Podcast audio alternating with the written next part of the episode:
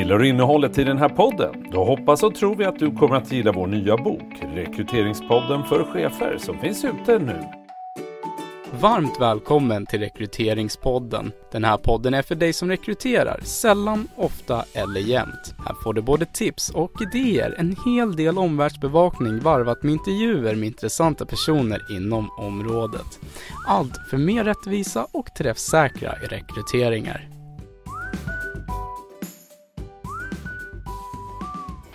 Hej och välkommen till ett nytt avsnitt av Rekryteringspodden.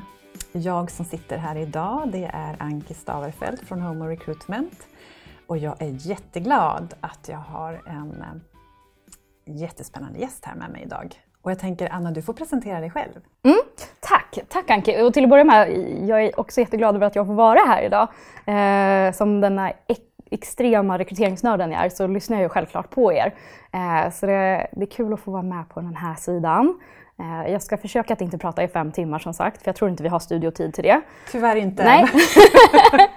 Men eh, vem jag är då? Jag är Anna som sagt och eh, eh, har jobbat med rekrytering och talent acquisition, hela det här breda spannet, employer branding och rekryteringsbiten, sedan 2010 ungefär. Eh, och har valt att nischa mig specifikt eh, på just det. Jag tycker att det är det roligaste ämnet som finns inom HR. Så att jag har fått erbjudanden om HR-chefsjobb och HR-BP-roll men alltid tackat nej för att det här är liksom sånt positivt ämne av naturen så det är så tacksamt att få jobba med det. Eh, och har fått sett olika typer av branscher och företag, både internationella och svenska företag. Och idag så eh, jobbar du på ett bolag som är jättespännande också. Ja, precis. Ja, idag så sitter jag på Facebook mm. och jag har varit där ungefär ett och ett halvt år. Eh, och eh, det var för ungefär två år sedan så var jag föräldraledig och eh, eh, företaget som jag jobbade på gick igenom ett stort varsel, ett jättestort globalt varsel där man tog bort rekryteringsfunktionen från Sverige. Eh, vilket då också innebar såklart att min roll försvann. Eh, och att då gå ut och söka jobb under en föräldraledighet var ju lite, kanske inte det som jag var jättesugen på att göra. Eh, så att jag gick in i den här rekryteringsrollen och skrev en jobbannons som jag omvände. Eh, där jag istället sökte världens bästa företag. Och listade då ett antal kriterier som jag tycker är viktiga eh, hos min nästa arbetsgivare. Eh, och öppnade ansökningsprocessen. Och fick ett jättefint gensvar både liksom på reach och engagement och hela den biten. Eh, och en utav dem som fångade upp det här var en headhunter som satt med ett uppdrag för Facebook då. Och eh, när jag gick in i det så var det ju mycket för den här otroligt unika möjligheten att få, få göra den här typen av roll på just Facebook. Och eh, att jag stannar kvar är för att jag verkligen tycker att företaget levererar på min, på min kravspec. Eh, det är världens bästa mm. företag. Och vad kreativt av dig då också, att ja. leta efter din nästa arbetsgivare på det där viset. Ja men precis, men det är, man behöver ju sticka ut lite i mängden idag. Eh, det är hög konkurrens och sen är det också så här, men tänk på vad du gör bäst eh, och det som ligger nära till hands. Och för mig var ju hela liksom, jobbannons och marknadsföring och hela den biten, det är det som ligger nära till hands. Eh, så det var kul att det fick rätt genomslag. Mm. Och du och jag träffades ju för första gången eh, för några månader sedan mm. här i höstas på ett event som såklart hade tema rekrytering. Mm. Och där du också fick ett pris som, vad var det, Nordens bästa rekryterare tror jag? Ja Eller precis, på inhouse-sidan eh, då, för de hade också en för agency. Mm. det var för inhouse-sidan. Så grattis till det priset! Tack, tack! Det var jättekul. Och också jättekul just för att i min roll som jag har idag nu då så är jag talent sourcer mm. eh, och inte recruiter. Eh, Exakt, och det där är lite spännande. Kan du berätta liksom hur, för när du började också på Facebook så ja. berättade du när vi sågs igår att du också hade funderat över det där med mm. titeln och sådär. Ja men precis, för det var ju då som sagt en, en roll som sourcer och jag tänkte men det här, liksom mina tidigare erfarenheter av det är ju det är ju den där jättejuniora rollen som man kanske gör först efter utbildningen och sitter väldigt reaktivt och operativt och jobbar. Eh, men modellen som vi har är inte så alls. Eh, utan jag sitter i ett globalt team för EMEA eh, med rekryterare och sourcers. Och att vara rekryterare eller sourcer det är samma senioritetetsnivå mm. på rollerna som så. Sen handlar det om att man har olika fokusområden. Så att jag är expert på talangmarknaden och fokuserar på det, på att attrahera och identifiera eh, talanger eh, medan rekryteraren äger mer själva processen från början till slut då och leder eh, cheferna och kandidaterna igenom där. Eh, mitt fokus är på den nordiska marknaden, jag har ett geografisk aspekt i, liksom, i, i vilken talangmarknad jag jobbar med. Medan andra sources kan jobba med eh, ett kompetensområde som deras fokusområde istället. Och eh, temat för podden idag det är ju just inhouse-rekrytering. Och eh, där så har ju du en massa insikter och tips att bjuda på eftersom att du ja, men dels såklart jobbar inhouse idag men du har ju gjort det hela din karriär. Mm. Och eh, därför så tänker jag att du kan bjuda på tips både för den som faktiskt funderar över att eh, kanske ta hem sina rekryteringar och starta upp en inhouse-avdelning. Och även för personer där ute som kanske är rekryteringskonsulter idag och funderar på att jobba inhouse. Eller man kanske jobbar inhouse och kan få en massa tips Mm. på det, tänker jag. Jättespännande Ja. ämne att prata om. Eller hur? Ja. Så att, eh, jag tänker att om vi börjar med eh, rent generellt, sådär, om man ska starta upp till exempel en inhouse-avdelning eller har en redan och sådär. Eh, och du som har den här erfarenheten med dig, vad, vad vill du liksom berätta? Vad vill du bjuda på för tips och tankar? Ja, men en av kärnfrågorna tycker jag, eh, som jag har plockat med mig från mina erfarenheter, det är hur man positionerar rekrytering eh, och att man positionerar det som ett samarbete och ett partnerskap med businessen. Eh, att det snarare är det än en service delivery organization som ska agera på en beställning där man jobbar väldigt reaktivt och, och det blir enbart ett operativt fokus. För det är väldigt vanligt, tänker jag. Precis. Att man eh, som chef kanske tänker att nu ska jag gå till rekryteringsavdelningen eller till HR. Nu har jag ett rekryteringsbehov. Går jag dit och gör en beställning inom citationstecken. Men då, då tänker jag så här, rent organisatoriskt och liksom, eh, lite varför.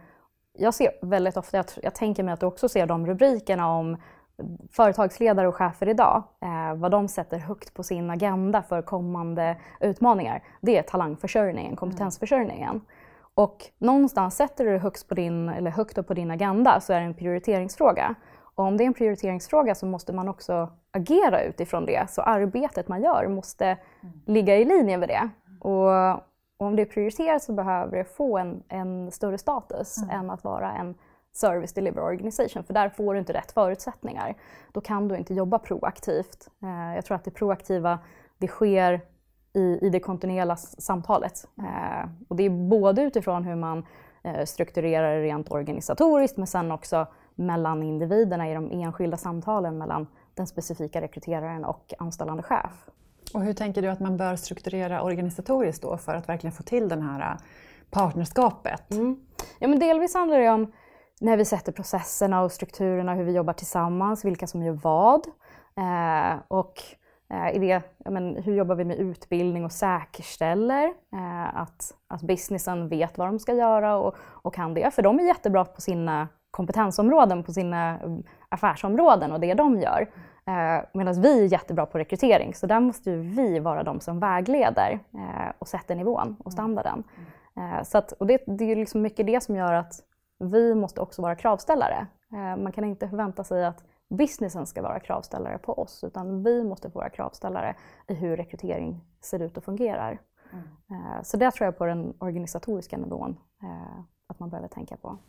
Och där vet jag att du nämnde att du har ju erfarenheter av att eh, just när man tittar på cheferna och vad de eh, så att säga förväntas kunna om rekrytering och sådär. Alltså hur man bör jobba där på ett bra sätt för att säkerställa att man eh, ändå har en viss kompetens inom det området också. För som du säger, de är duktiga på det de gör men kanske inte så ofta har så mycket erfarenhet av rekrytering eller intervjuteknik och så. Och jag har varit i många företag där eh, man har jobbat med utbildning för cheferna. Eh, och de här utbildningarna har ju legat på väldigt olika nivåer. Ibland är det just specifikt på intervjuteknik som du nämnde. Eh, Medan ibland är det mer på helhets, alltså en mer övergripande nivå. Och intervjutekniken är en del i det. Och jag tror att det är jätteviktigt att man fångar in alla chefer i det arbetet. Just för att det är många gånger man kanske träffar någon chef som säger men jag, alltså, har jobbat med den här businessen eller det här området i 20 år och under tiden så har jag rekryterat in hur många som helst. Det här det sköter jag med höger hand eller hur enkelt som helst. Eh, det betyder inte att de inte behöver utbildning. För det, det handlar delvis om hur är vårat sätt, det företaget man är på, hur är vårat sätt att rekrytera? Det skiljer sig jättemycket mellan olika företag. Eh, och den forskning som görs inom, inom rekrytering eh, drivs också framåt. Eh, så att eh, även de, de mer erfarna cheferna kan behöva väldigt mycket utbildning. Mm. Kanske ibland framför allt de för att de har den, den där självsäkra förväntningen på att de kan det här. Mm. Mm. Och eh, jag tänker utifrån, så utbildning är ju liksom mm. en sak som du ser är nödvändigt mm. ofta. Och jag tänker på utifrån att man då organisatoriskt, hur, hur man är placerad eh, dels liksom i organisationsschemat men mm. även fysiskt i kontoret Precis. och så. Hur tänker du kring de frågorna? Ja, men och det tycker jag är jätteviktigt att man integrerar sig tillsammans med businessen så att det inte är en separat funktion som är en stödfunktion långt iväg på sidan om. Eh, som man kanske nästan aldrig ser heller. Utan vi behöver ju finnas med i vardagen, eh, i det vardagliga samtalet. Eh, så att man inte glöms av. Eh, för då tror jag absolut att man, annars blir det risk att cheferna bara kommer när de har en, en reaktiv beställning. Mm. Och då kan det vara att, ja, men, i, om det är kontorslandskap och sådana saker, hur man är placerad där eh, så att man kan sitta nära sin business som man jobbar med. Eh, och det kan handla, även handla om i möten. I vilka möten är du med? Är du med i veckomöten som, som businessen har? Så att du tidigt kan fånga upp och höra liksom, det här kommer komma. Hur, hur kommer det kaskadera ner sen på rekrytering? Hur påverkar det oss? Eh, också för att du ska från rekryteringssida kunna förstå vår business eh, och vad företaget gör. Eh, där får du ju jättemycket kring kompetens som de här personerna du ska, de kompetensområden du ska anställa in. Eh, men du får också hela den här begrepps och terminologin och språket som businessen använder. Och när du vet vad deras kärnfrågor är och problematik, då kan du ta del i samtalet på ett annat sätt mm. Eh, och ha en annan, annan ingångspunkt. Mm. Så att du eh, inte enbart kommer liksom med rekryteringslingon och, och så vidare utan att man faktiskt eh, deltar i samtalet i, i, businessen helt ja. enkelt. Och, så. och för jag tror att mm. om vi, ska, om vi ska säga att vi är affärskritiska eller att vi är viktiga för affären så måste vi ta del eh, utav sådana typer av möten också. Mm. Vi kan inte bara vara begränsade till rekryteringssamtal. Nej, för du har ju berättat att du själv har deltagit i ja, men, kundmöten och alla möjliga olika typer av möten mm. som faktiskt är Ja, men det är ju liksom the core business så att säga. Precis. Och det är så här, man kan sitta, jag tycker att man kan sitta med i olika kundmöten som sagt. Man kan sitta med i eh, interna affärsmöten. Eh, och sen också så här, verkligen om det finns utbildningar internt om, kring produkten. Eh, så att man utbildar sig i det. Eh, och jag har tidigare varit på teknikföretag där man har haft utbildning om den specifika produkten för icke-tekniska personer. Mm. Så att internt har det funnits utbildning som är skräddarsydd för dig som inte jobbar med den här tekniken men som behöver och vill lära dig om den. Mm, just det. Så att se till att man hänger med i de här grejerna. Då. Ja. Mm, mm. men du, det här samarbetet då? Eh, vad har du för tips där kring eh, alltså vad gör cheferna? Vad gör eh, du som sourcer eller, eller rekryterare? Mm. Alltså hur ska man liksom mötas på bästa sätt där? Vem gör vad och så vidare? Och, eh, och vilket stöd ska cheferna kunna ha genom processen? Hur tänker du kring det? Jag tror att delvis är det ju en fördel om det är standardiserat så att det finns en grund i Eh, en modell som gäller i det företaget man är. Och sen den bästa modellen, det, det skiljer sig nog väldigt mycket utifrån vilket företag man, eh, man befinner sig i. Eh, för att det finns så många organisatoriska faktorer som påverkar eh, modellen i sig. Men sen hur man, när man väl har den modellen på plats och hur man hittar varandra i det så tycker jag att det är jätteviktigt att fokuset just är på att det är ett samarbete. Att det inte är att du ger mig en beställning och sen gör jag resten. Mm. Eh, och du kommer in på något litet hörn här och var och säger någonting. Utan att man har en ständig dialog genom hela processen eh, och involverar varandra. Eh, ett exempel är, jag tycker att, och det är ofta man kanske vill vara den här, och jag var nog det mer när jag var lite junior, att Eh, en riktig pleaser. Man vill, man vill se till att leverera direkt och, och ge, eh, ge beställaren eller ge den som man jobbar med det den vill ha på en gång. Mm. Eh, men att istället våga ifrågasätta och utmana eh, det, som, det som ligger på bordet. Så att, eh, som ett exempel för oss rekryterare, en kravspec är någonting vi ser väldigt ofta. Eh, du sitter med din chef och pratar om vad är det vi ska anställa. Ta inte bara den och spring iväg eh, och försök leverera mot den.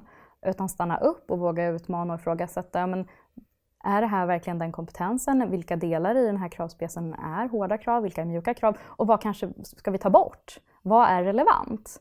Eh, och för du har kompetens på talangmarknaden och vad som är realistiskt där.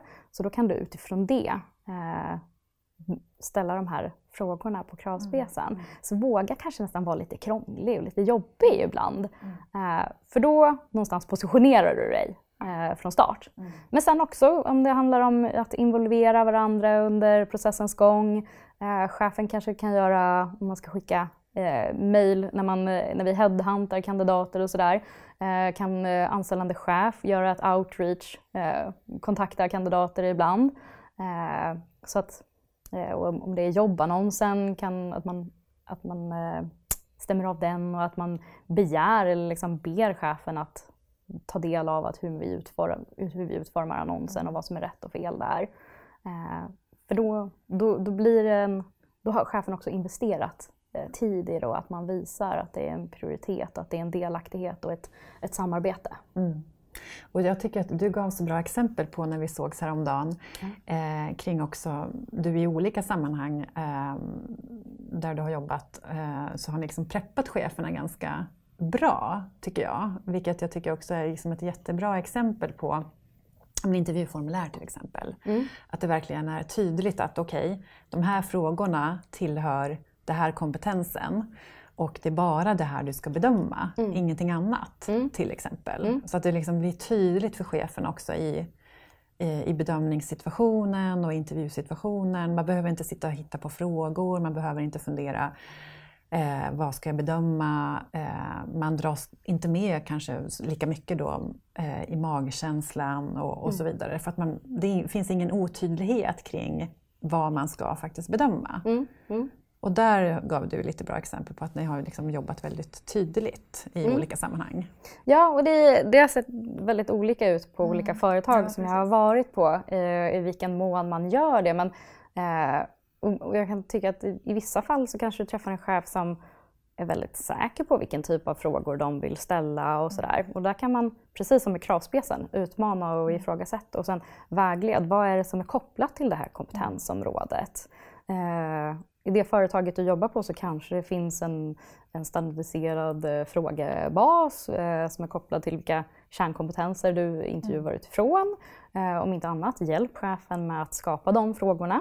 Så att man faktiskt frågar om just det och inte går iväg och börjar prata om någonting annat. Precis. Och eh, du har ju jobbat som sagt eh, länge som inhouse-rekryterare. Mm.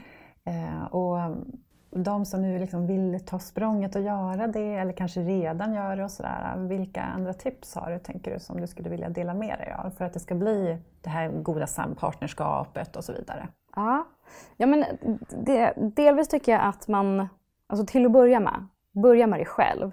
För du står alltid dig själv närmast. Och eh, när du ska gå in i någonting så, och du ska positionera dig i det så är det så himla viktigt att du börjar med att veta själv vad din position är och, och hur du ser på den. Och det här påverkas självklart utifrån vilken organisation man är. Det finns massa begränsningar som läggs på den roll man har. Eh, men eh, ändå att man har en fundering kring vad ser jag? Att, vad är mitt, jag kallar det för narrative, vad är mitt narrative, jag som rekryterare? Det är liksom, eh, hur beskriver jag min egna roll? Vad är det jag ser på den? Och det, vad har jag för impact? Vad har jag för påverkan genom mm. den roll jag har? Vad bidrar du med i affären Precis. så att säga? Eller? Ja, mm. ja, mm. och jag tycker att men, som jag ser det så rekryteringsprofessionen och rollen som rekryterare är en affärskritisk roll som påverkar företagets resultat. Och det genom att man lyckas, eller hur man lyckas matcha talangmarknaden med företagets kompetensbehov. Mm. Eh, och, och det, det, här tycker jag, den, den positionen, hur Delvis är det viktigt för dig själv att veta det, för det påverkar hur du kommer approchera och angripa frågor och hur du, hur du bygger upp ditt varumärke internt i organisationen. Men det är också en jätteviktig del med, med det interna varumärket som rekrytering har, vilken status det får. Eh, Och det tror jag, den statusen påverkas väldigt mycket utifrån men, har du, ser du, ses du som en partner och en samarbetspartner snarare än en service delivery eh, funktion så tror jag att du får en bättre status. Du blir mer en jämbördig nivå när du är en, mm. en partner till en. Men, eh, och, och som ett, ett, en annan del hur det är viktigt är också för att få fram det till den personen du pratar med. Eh, så din personen på andra sidan bordet. Jag hade en situation för några år sedan fem, sex år sedan när jag var ny på ett företag eh, och då skulle liksom bygga upp det här varumärket också. Men att gå in i ett uppstartsmöte med en chef, för det är första gången en anställande chef som jag träffar den här personen.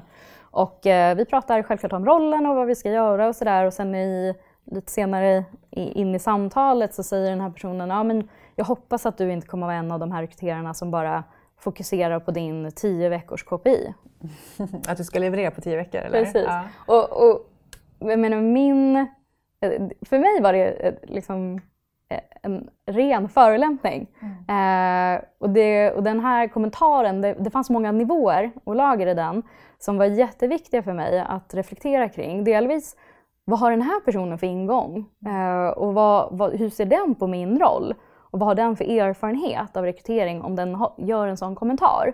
Och det måste jag förhålla mig till.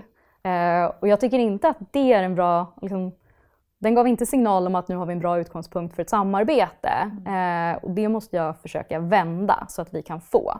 Men sen också, självklart så gick jag hem och reflekterade kring men jag går inte till jobbet för att leverera på en tio veckors KPI. Jag går ju dit för någonting annat. Och vad, är, vad är mitt syfte? Vad är det som motiverar mig och driver mig? Och om jag ska kunna få den här personens buy-in och ska kunna ha en trovärdighet eh, så måste jag kunna leverera det som svar. Mm. då ritar jag upp min egna eh, passion picture, kallar jag det för. Där jag liksom hade tydliggjort vad det är som driver och motiverar mig eh, och försökte rita ner det och liksom skapa en visualiserad bild av det.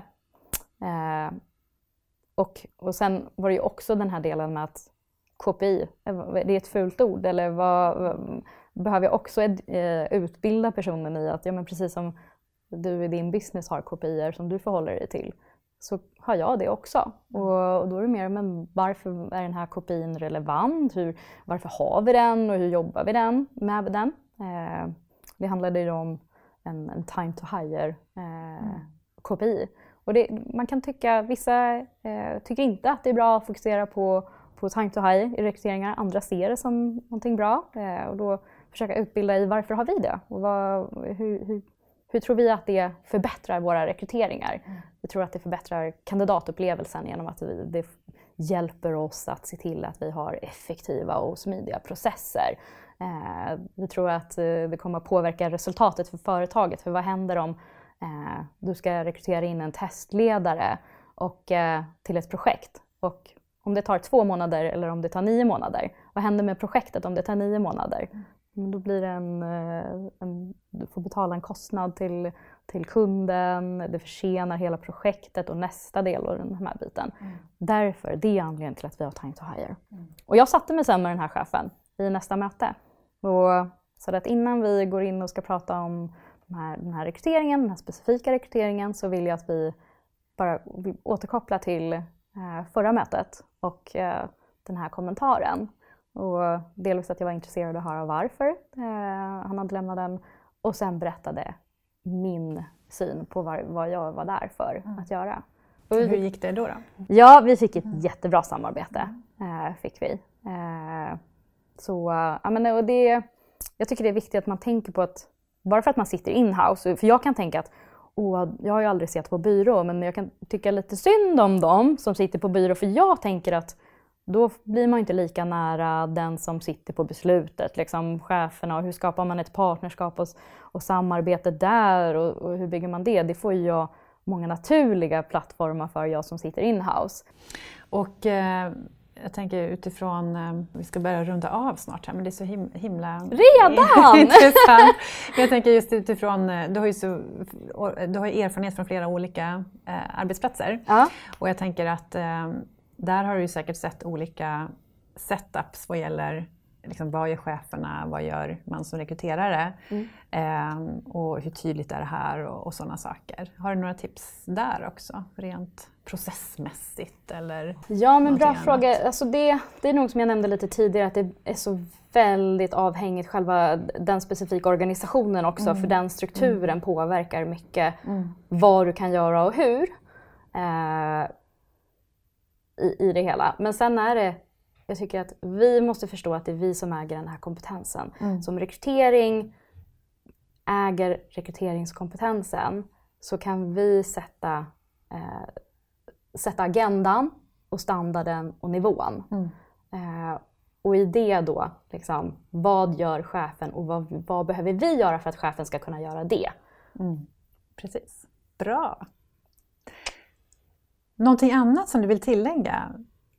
Vad var det som gjorde att du vann priset förresten? Ja, jättebra fråga, det undrar jag. Nej, Nej, men jag tänker eh, att, eh, ja, vad var delvis- motivationen? Eller Ja men precis. Det, eh, det i, först var det ju en motivering från eh, för till varför jag blev nominerad. Eh, och i det så var just samarbetet någonting som lyftes väldigt mycket. Ja, eh, samarbetsskapet gentemot affärsorganisationerna och cheferna och sen även mot den egna in- rekryteringsorganisationen. Mm. Och det, är, så det är jättekul att få det från någon annan när man själv tycker att det är en viktig fråga, att någon annan har, har lyft det. Eh, och sen var det en motivering från juryn till, att, till att jag var där, eh, till att varför jag var en av de tre eh, finalisterna. Eh, och då var det mycket om passionen de lyfte, passionen för talent acquisition och rekrytering och hur det inspirerar andra. Och sen var det ju då alla som var på det här eventet som, som röstade. På tre, vi var tre stycken finalister. Eh, och så det var ju väldigt kul just att jag som sourcer, för de andra tre hade den här titeln senior eh, recruiter, vilket jag också har, har haft som titel under många Mm, år liksom, tidigare.